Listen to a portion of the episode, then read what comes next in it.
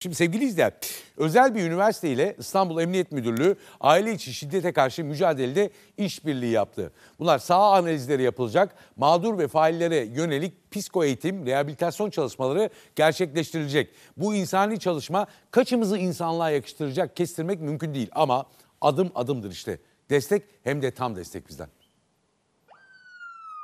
İstanbul'da ortalama bir polis memuruna takibini yapması gereken 8 kadına şiddet olayı düşüyor. Aile içi şiddet olaylarıyla mücadele için İstanbul Emniyet Müdürlüğü ve Üsküdar Üniversitesi işbirliğine gitti. Hem mağdurlara hem faillere yönelik psiko eğitim çalışmaları yapılacak. İmza töreninde konuşan Emniyet Müdür Yardımcısı Ali Tuna Coşkun son rakamları paylaştı. Aile içi şiddetle ilgili bu yıl polise 18.037 başvuru yapıldığını söyledi. Alınan önlemlere rağmen son 11 ayda 40 cinayet işlendi. Koruyucu tedbirlerimiz kapsamında sığınma evine yerleştirilen kadın sayımız bu yıl itibariyle 460.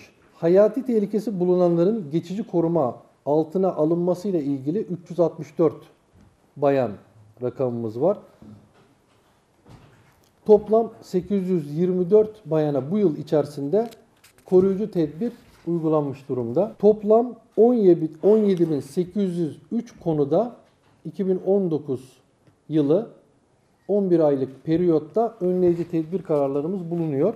Türkiye'de genel suç ve şiddet olaylarında azalış olsa da aile içi şiddet vakalarında artış var. Üsküdar Üniversitesi ve İstanbul Polisi arasında imzalanan protokol kapsamında bilimsel ve sosyal çalışmalar yürütülecek. Şiddetin taraflarıyla rehabilitasyon ve psiko eğitim çalışmaları gerçekleştirilecek.